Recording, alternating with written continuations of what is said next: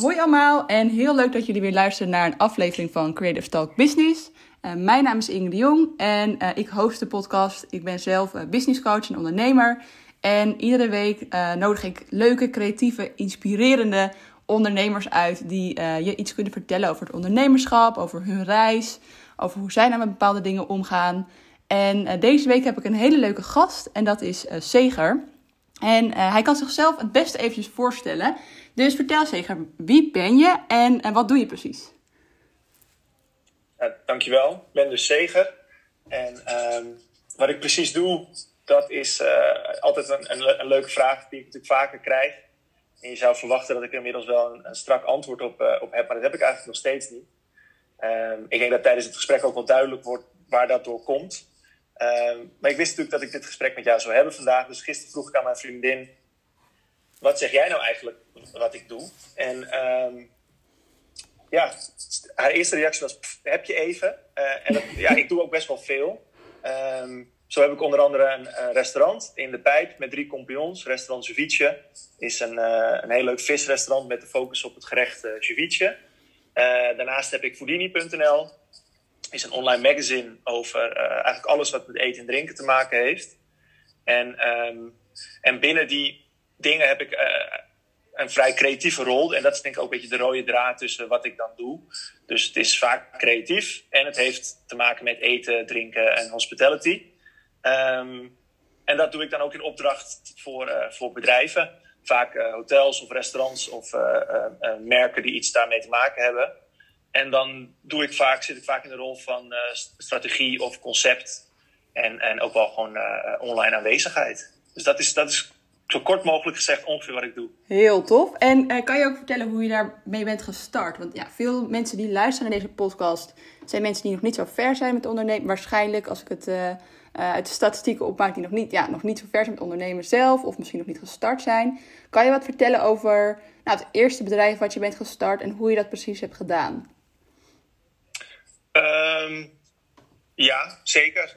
Ik ben, ik ben begonnen in de reclame bij een reclamebureau. Um, gewoon in loondienst. En uh, vanuit daar, bij toeval, belandde ik uh, in de hotellerie. Um, eigenlijk een hele leuke rol. Uh, altijd leuke rollen gehad, maar ik merkte wel dat vijf dagen op kantoor en, en vijf dagen werken voor, voor een baas, dat, dat lukte niet echt. En toen ben ik, um, ik, ik had helemaal nooit per se een ondernemersdroom of ik wilde niet per se eigen baas zijn.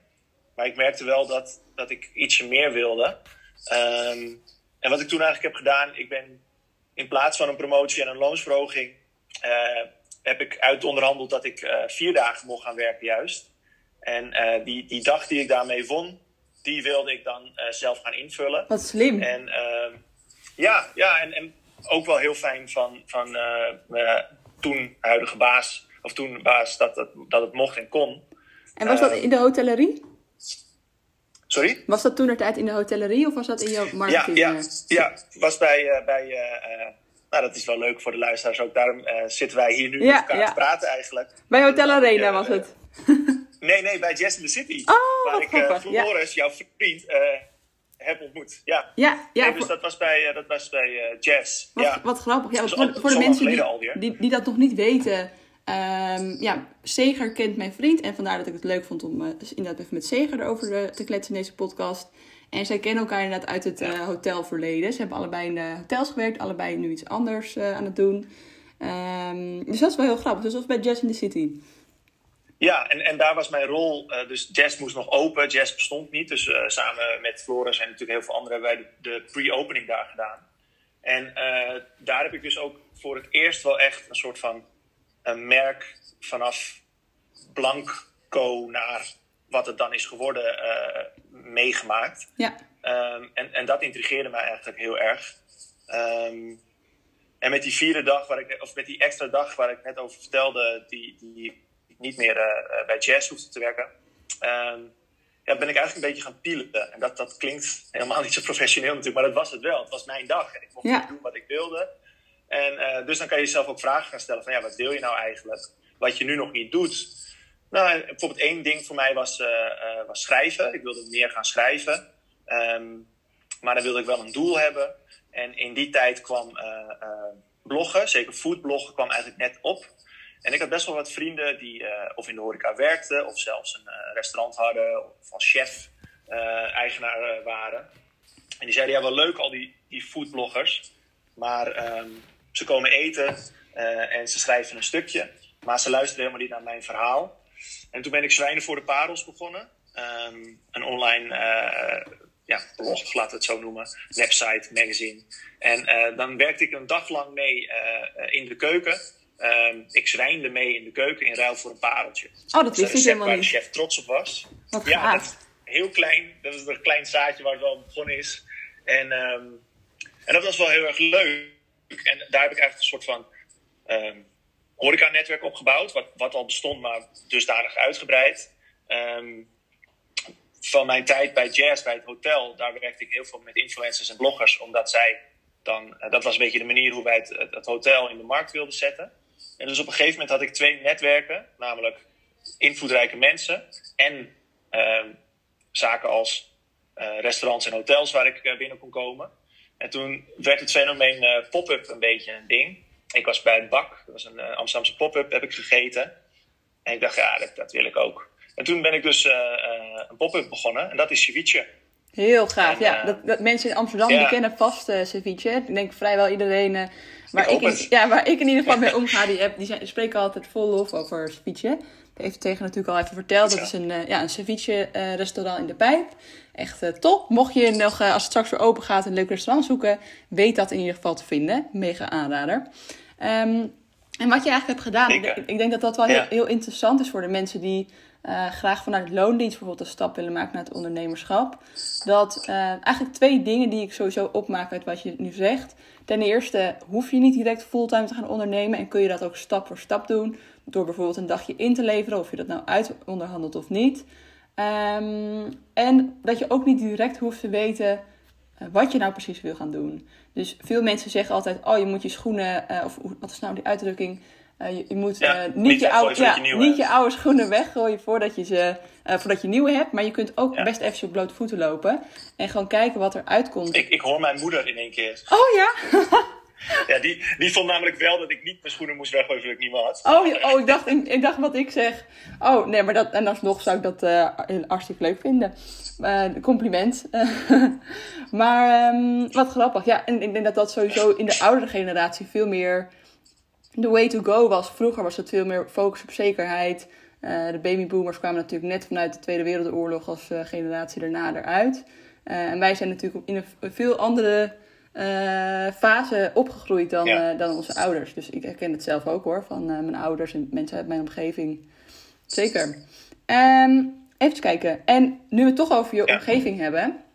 Wat, wat vond je omgeving, los van je moeder, ervan toen jij de stap maakte naar het ondernemerschap? Nou, het, uh, dus die twee punten die jij net aanhaalde, die, uh, nou, die zijn natuurlijk ontzettend waar en die herken ik ook heel erg. En ik moet ook zeggen, ik ben daar heel erg blij mee geweest. Dus ik heb uh, door niet volledig in één keer te gaan ondernemen, best wel kunnen voelen hoe warm het water is voordat ik erin sprong. Vind ik zelf en vond ik het een hele fijne manier. Um, en dat was het dus voor mijn omgeving ook. Ja. Uh, dus het was, het was helemaal geen harde transitie of zo. Want ik werkte vier dagen per week voor een baas. Uh, waar best nog wel uh, wat mogelijkheden en kansen lagen. Ja. Um, en aan de andere kant was ik lekker mijn dingen aan het doen. Um, dus zo ervaarde mijn omgeving het denk ik ook. En die zijn natuurlijk best wel mee ontwikkeld in het feit dat het nu volledig ondernemerschap is. Ja. Um, dus mocht je, dus mocht je als nog niet startend ondernemer, gestart ondernemer of als beginnend ondernemer daar zorgen over maken, is dat ook wel weer een, een, uh, een toegevoegde waarde uh, van niet volledig in één keer gaan ondernemen. Ja, zeker. Ook voor je omgeving. En wat ik me wel kan voorstellen, ja. want jij hebt nu een aantal goed lopende bedrijven opgezet.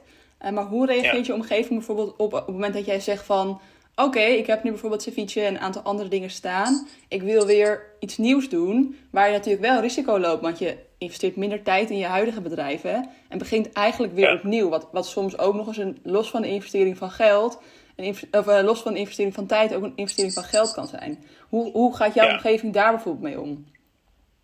Nou, ik zou, ik zou het ze zelf eens moeten vragen. en dat bedoel ik, niet, bedoel ik niet dat ik het er nooit met mensen over heb. Laat ik dat voorop stellen, want ik, ik heb het heus wel met ze erover. Maar het is niet mijn uh, initiële startpunt om te vragen wat mijn omgeving Nee. ervan vindt. Nee, heel sterk. Ehm, ja, en, en ehm, ik moet wel zeggen, dat is wat makkelijker gezegd als het al een paar keer gelukt is natuurlijk. ja, Dat, maar, daar ben ik wel ja. eerlijk in. Ik denk de eerste keer heb je er veel meer over. Als je zegt, ik ga een baan opzeggen om iets te starten, dan is het spannender dan dat je zegt, hey, ik ga er nog wat bij doen. Want alles lukt toch zo lekker, weet je. Ja, Ehm, dus ik denk dat mijn omgeving... Ja, ik zit nu even hard op te denken hoor. Dus Nou, bijvoorbeeld, je, vrienden- je hebt het bijvoorbeeld over je vriendin, is toch iemand met wie je eh, ja, samenleeft. Eh, wel iemand Ja. ja. die, die natuurlijk, stel je voor het zou misgaan, daar, ehm, daar wel onderdeel van uitmaakt. Ik ga er natuurlijk vanuit Ja. dat, dat wat jij opzet altijd een, een succes is. Ehm, maar ja, het is toch iets waar je wel met elkaar over spreekt. Van, is het handig of niet? En, en in, ho- in hoeverre eh commit je je aan de, aan de nieuwe business? En, en in, in hoeverre eh, zorg je ervoor dat andere mensen de andere dingen oppakken in je, in je bestaande business? Ja, ja en, en dat gesprek is, is nu meer dan ooit. Want we zitten natuurlijk nog steeds gewoon in coronatijd. Ja, En, ehm, dus ik denk dat bijvoorbeeld, als we het over mijn vriendin hebben, dat zij het op dit moment eh, evenveel toejuicht als altijd, maar misschien wel spannender vindt. ja, We hebben, ik denk dat zij dat zo zou zeggen, dat we misschien wel een paar spannende maanden achter de rug hebben gehad. Ik heb namelijk eigenlijk, eh, hebben wij net getekend voor een, eh, en wij is dan niet mijn vriendin en ik, maar gewoon ik met anderen, eh, getekend voor een nieuw project. En dat, gaat, dat is een groot project.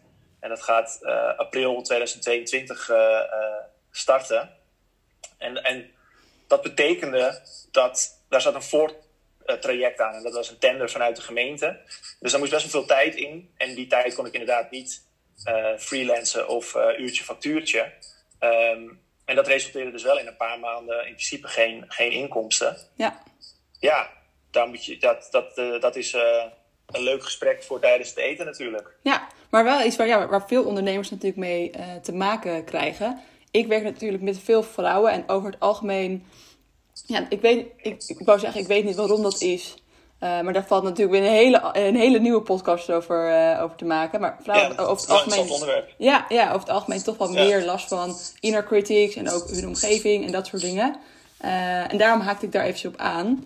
Eh, dat ik het wel Ja, heel, heel tof vind. En dat jij misschien ook wel gewoon een tip kan geven voor mensen die daar bijvoorbeeld wel last van hebben. En mensen die wel last hebben van, een, eh, van de omgeving die het er bijvoorbeeld niet mee eens is dat ze gaan ondernemen.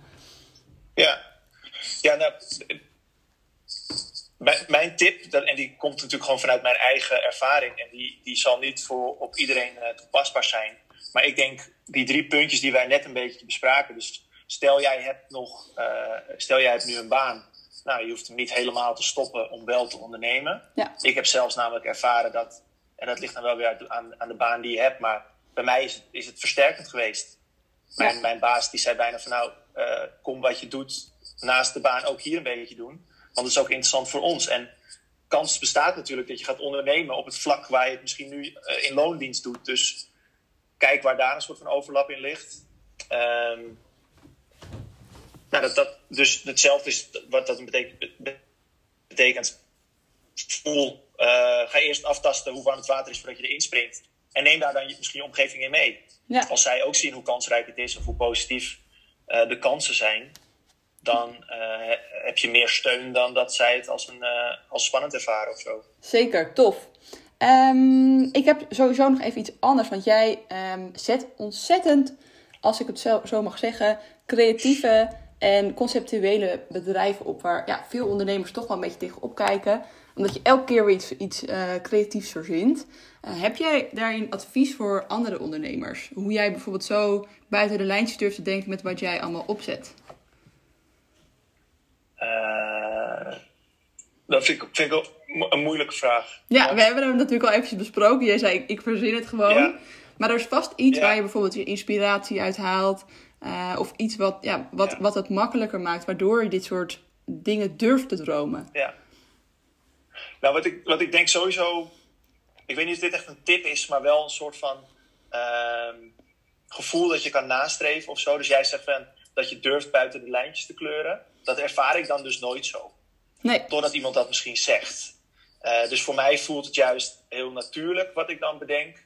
En ik denk dan ook van wauw, dit klopt, weet je. Het is juist een heel goed idee of zo. Ja. Uh, en, en bijvoorbeeld ceviche is daar wel een goed voorbeeld van. Wat best nog wel even geduurd heeft. En, en gelukkig in pop-up vorm uh, wat deed. Maar um, dus New York, Londen, Berlijn, Lissabon, hadden, Parijs, hadden allemaal een cevicheria. Dus als ik naar het buitenland ging, kon ik naar een cevicheria. En had ik een geweldige uh, avond. Want het was lekker eten, het was lekker licht, je kon er lekker bij borrelen. Het was bijna hier. En in Amsterdam was geen cevicheria. En dan krijg je natuurlijk best wel een beetje van mensen die dan. Uh, je kan twee dingen denken: van wauw, gat in de markt. Of je kan denken: misschien is er een goede reden dat er nog geen cevicheria is in Amsterdam, laat ik het maar niet doen. Ja, ja precies. Ja. En, en ja, dus wat mijn tip daarvan is, dat, dat is een beetje lastig te zeggen. We gewoon, als je denkt dat je een goed idee hebt. Ja, kijk, je kan natuurlijk mooie marketingtermen nu roepen als AB-testen en weet ik veel allemaal, maar ja, ik denk dat het ook wel ja. dicht bij je gevoel blijven is. Um, ja. En als jij echt. hoe ervaar, jij, ervaar jij dat? Hoe ik dat ervaar? Um, ik vind ja. dat je gelijk hebt. Ik vind dat het niet per se is buiten de lijntjes kleuren. Uh, maar ik kan me voorstellen dat het voor veel ondernemers veiliger zou voelen om bijvoorbeeld een bewijs van een pizzeria op te zetten, want ja, daar is toch wel vraag naar. En uh, precies zoals, je, zoals dat jij dat zegt, dan kun je dan de uitgebreide enquêtes kun je dat gaan testen. Uh, maar vanuit mijn ondernemers um, geest, zeg maar, uh, vind ik dat je er volledig achter moet staan. Uh, en het dan ook gewoon moet gaan proberen. Want waarom zou je het niet proberen? En, je weet, en, en heel veel ja. dingen zijn ook gebonden aan een, een stukje toeval, uh, en een stukje strategie en een stukje marketing. En niet alleen het, het idee aan zich, zeg maar. Uh, dus, dus weet je, uh, op het moment dat er bijvoorbeeld ineens een vuilstortplaats naast je restaurant wordt geopend, ja, zuur, dan was het misschien geen succes geworden. Ja, maar dat, dat, ja. dat hoort wel bij het ondernemen en dan herpak je jezelf uh, en ga je weer ja. verder. Zo, zo sta ik erin. Ja. En dat is natuurlijk wat wij ook allebei ervaren hebben in, in onze, nou in mijn geval in mijn vorige business en bij jou in, in ceviche. dat het gewoon ja, soms zuur is. Dat het hartstikke, hartstikke lekker loopt. Maar je hebt er niet altijd alle volledige invloed op. Dit had je natuurlijk nee. nooit in een soort van contingency planning. Uh, had, je, had nee. ik dit nooit opgeschreven. nee, het was wel grappig. Ik, dit is een sidestep, maar wel heel cool. Ik sprak met uh, de eigenares van de Food Lineup. Heel mooie uh, cateringbedrijf. Misschien ken je het vanuit de Gentic. Ja, ja maar, ken ik zeker. ja, ja en, en zij doen echt gave dingen. Maar je zou het high-end kunnen noemen. En daar bedoel ik mee van. Het is wel altijd een soort van. Er zit wel een drempel in. Gewoon wat, wat zij neerzetten is te gek, weet je. En dat kost dus dan ook euro's. En, um, heel conceptueel doen zij dat ook. Sorry? Zij doen het inderdaad ook heel conceptueel en heel ja, visueel. Echt en, gek. Ja, echt heel ja. tof. Ik denk dat de meeste mensen uh, nog wel in contact met ze zijn geweest op Lowlands. Daar hadden ze uh, restaurant 2050. Oh, dat klopt inderdaad. Van de toekomst. Ja. ja, dat was van hun. Dan kon je eten hoe, zo, hoe je zou eten in 2050. Echt heel gaaf. Um, maar zij hadden een soort van teammeeting en op een gegeven moment zei iemand out of the box. Die had gewoon een punt. En die zei van... Uh, uh, wat als, what if, er een um, global pandemic komt? Wat doet dat met ons bedrijf? En dat was gewoon ja. eigenlijk heel erg bedoeld om outside of the box te gaan denken. Dat was voor corona. Ja, dat was voor corona. Nee, en joh. Dus zo lekker op gebrainstormd dat er eigenlijk hele goede ideeën uitkwamen. En daar, zij zeiden van ja, als dat gebeurt, dan raakt dat de food line-up. En dan is de behoefte meer hier. En daar is dus een product uitgekomen. Dat is nu Bud, van Budget. Ja. Dus hebben Bud Catering gelanceerd. Ja, heel mooi verhaal. Wat ja. grappig. Oh, dat wist ik helemaal niet. Ja, ik ben natuurlijk veel minder met evenementen en suppliers en dat soort dingen bezig nu uh, op het moment. Ja. Dat is heel gaaf. Ja. Vind ik heel tof. Is ook de kracht van sowieso ja, het werken met een sterk team en het werken met creatieve mensen. Dat je wel aan dit soort dingen ineens gaat denken. En niet alleen maar bezig bent met de operatie en hoe kunnen we zoveel mogelijk centen uh, naar binnen harken. Nee, ik vond dit echt, echt een gaaf verhaal, ja. Dat ze dat vertelden. Heel ja. gaaf. Um, even kijken, heb ik nog een uh, vraagje voor jou. Uh, hoe zorg jij voor telkens nieuwe input? Een hele uh, brede vraag, maar ben benieuwd hoe je hem interpreteert. Ja, nou ik... Je bedoelt input naar mijzelf? En gewoon dus, dus voort waar ik dan aan nou, het in, in je ja. business, want Amsterdam is natuurlijk een, een markt die constant verandert. Um, ja. En jij evalueert steeds mee daarin, in, in alle businesses die jij hebt opgebouwd. hoe zorg je ervoor om, om zeg maar steeds zo op je eigen authentieke manier up-to-date te blijven met, met de vraag eigenlijk? Ik denk dat daar gewoon wel aan de grondslag ligt een soort van intrinsieke nieuwsgierigheid. Dus wanneer je iets doet in het vakgebied waar je heel veel interesse in hebt, zeg passie, dan uh, ben je er automatisch natuurlijk veel mee bezig. Uh, ben je automatisch ook bezig met het buitenland, uh, kijk je wat daar gebeurt. je spreekt met veel mensen, je luistert veel mensen. Je, op dit moment luister ik meer podcast dan, dan dat ik tv kijk. Um, Zit je ook op Clubhouse? Ik, je, als je ik, ik, heb, ik, heb, een beetje een aversie tegen Clubhouse. Ik, het is vast niet hip om te zeggen. Nee, ik snap uh, ik zit zeker op Clubhouse, uh, maar... Uh, ik snap het wel. Er zijn een beetje twee kampen. nog niet, laat ik het zo zeggen. Ik, ik, mijn, ja. ik vind het heel leuk om een Clubhouse te geven. maar om te luisteren vind ik het vervelend om... het feit dat ik het niet terug kan luisteren. Het feit dat het altijd live is. Dat, vind ik, dat vind ik er, er ook inderdaad een beetje lastig aan. Maar goed, hè. Dat, het heeft zijn pros en zijn cons. Ja, dus ja, ik, ik, Clubhouse bestaat, ik weet het. Dat is natuurlijk sowieso goed. Maar um, ja, en wat ik voor mezelf al heb gevonden, en ik denk dat je dat, zeker als je begint, en ik doe dat nog steeds, maar gewoon, sommige dingen werken voor jou. En dan kan je wel tips gaan geven. Ik kan, ik, dat zou ik ook wel doen. maar dat wil niet zeggen dat het voor iemand anders werkt, maar dat moet je gewoon uh, verkennen of zo. Dus bijvoorbeeld bij mij een gek moment. Ik heb al een aantal keer een goed idee gehad als ik gewoon Ajax aan het luisteren ben op de radio. En ondertussen een notitieblok voor me heb of zo, weet je. Dus het is helemaal niet zo dat ik per se naar een musea moet om, om iets te. of in een restaurant inspiratie. Ja, ik heb dat ook onder de douche of zo. En denk, onder de douche is altijd een goed moment. Ja. Denk je dat dat komt omdat je dan misschien meer ontspannen bent en minder in je hoofd zit? Ik denk het wel. Ik denk het wel. Ja.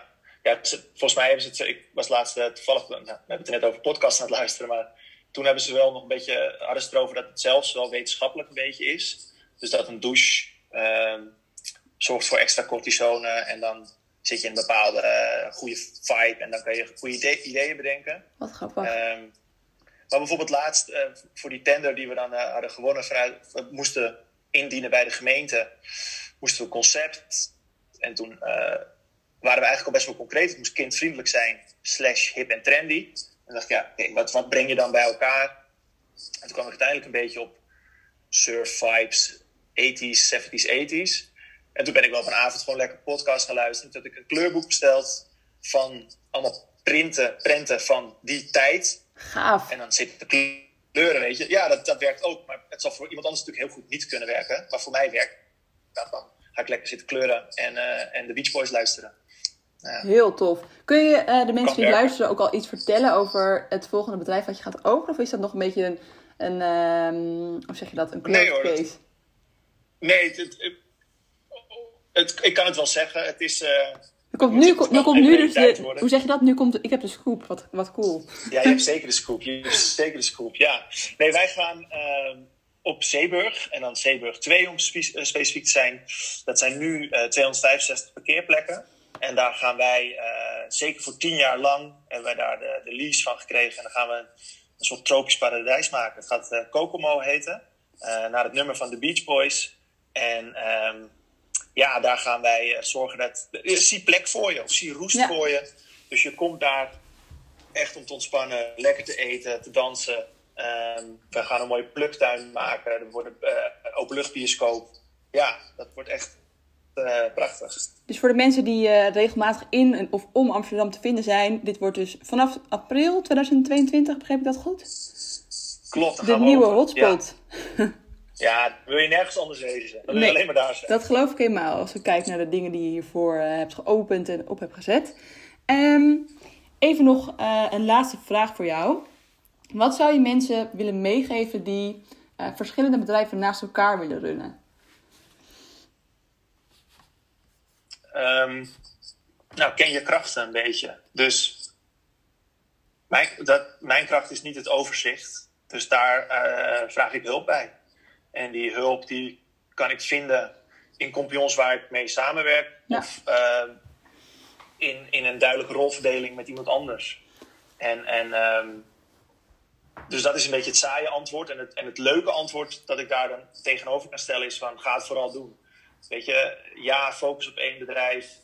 Het kan heel goed werken. En als het lukt, ik, ik, uh, ik zou het ook ambiëren, weet je. Ik zie, ik zie daar wel de voordelen van. Maar het is gewoon niet mijn aard. En ik wil meerdere dingen doen.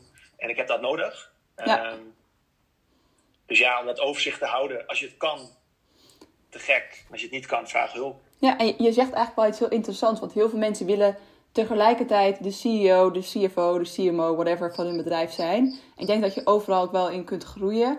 Uh, maar jij kiest eigenlijk ervoor om, ja, om of de CEO-rol of ja, de CMO-rol, uh, alleen dat stukje aan te nemen en daar steeds beter in te worden en de rest gewoon aan andere mensen over te laten.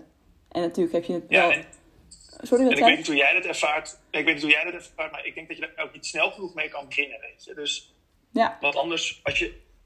In het begin zijn dingen natuurlijk klein en dat is ook logisch. En, en uh, ik zeg niet dat je maar iedereen moet gaan aannemen of et cetera, maar hulpvragen kan soms heel klein.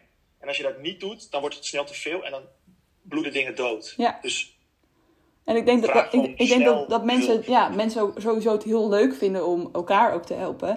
Als mensen mij ook iets zouden vragen eh, van... Ja. hey, kan je, me, kan je me hier even bij helpen? Vind je dit leuk?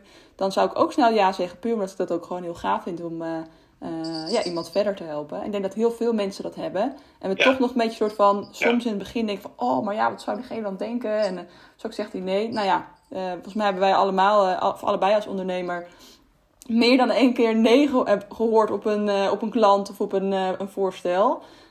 Maar het maakt niet dat, dat, dat we daarna niet weer tien jaar ervoor terug hebben gekregen. Ja. Ja, en we, en we leven volledig, wat jij net, een beetje met de vergelijking maakte met onze ouders. We leven juist volledig in die generatie die, uh, ja, generation slash, weet je. Dus mensen om je heen of mensen, die zijn zoveel meer dan je soms denkt. Ja. Je bent niet één ding, je bent, je bent, en dus, dus ze kunnen simultaan dingen doen en daarbij jou dus ook helpen. Ja, En vice versa. heel cool. Nou, ik denk dat, dat het voor mensen die, eh, die er hier naar hebben geluisterd, dat een aantal dingen inderdaad naar boven kwamen. Eh, het stukje, nou, hoe run je nou verschillende business naast elkaar, maar ook een stukje terug. Eh, hoe start je überhaupt een business? Eh, hoe doe je dat op de meest authentieke manier die bij jou past? Dat kan dus inderdaad net zo goed een, een manier zijn dat je eerst nog een andere baan ernaast houdt. Ehm, we hebben natuurlijk de scoop gehad over je nieuwe bedrijf. Dat was heel gaaf om eventjes, eh, om eventjes te delen. En we hebben gewoon even een kijkje in de keuken gehad in hoe jij dingen ziet en hoe jij dingen eh, aan zou pakken. Heb jij nog iets om toe te voegen voor de mensen die, eh, die luisteren? Nee, blijf luisteren. Blijf luisteren. Ja, ik, eh, ik zal hem inderdaad even afsluiten op deze manier. Sowieso, ik doe altijd even een call to action op het einde. Kijk inderdaad naar het nieuwe bedrijf dat Zegel straks op gaat zetten. Vanaf 2022 kun je er naartoe. Ceviche kun je straks weer boeken. Vanaf, nou wat schat jij in? Ik denk inderdaad ergens eind maart dat we toch wel weer een keer open moeten. Ik hoop het je hopen. Ja. Ik teken voor eind maart. Ja. Ja. nou, dat hoop ik zeker. En eh, voor mij vind je het interessant om ehm, ja, verder te bouwen aan je business. Kijk dan vooral even op ingedejong.nl of volg mij op Instagram op @ingedejong. Dankjewel voor het luisteren en ik zie je volgende week weer voor weer een nieuwe aflevering met een nieuwe ondernemer. En dan eh, ben ik benieuwd wat daar weer uit gaat komen. Dankjewel, hoi hoi!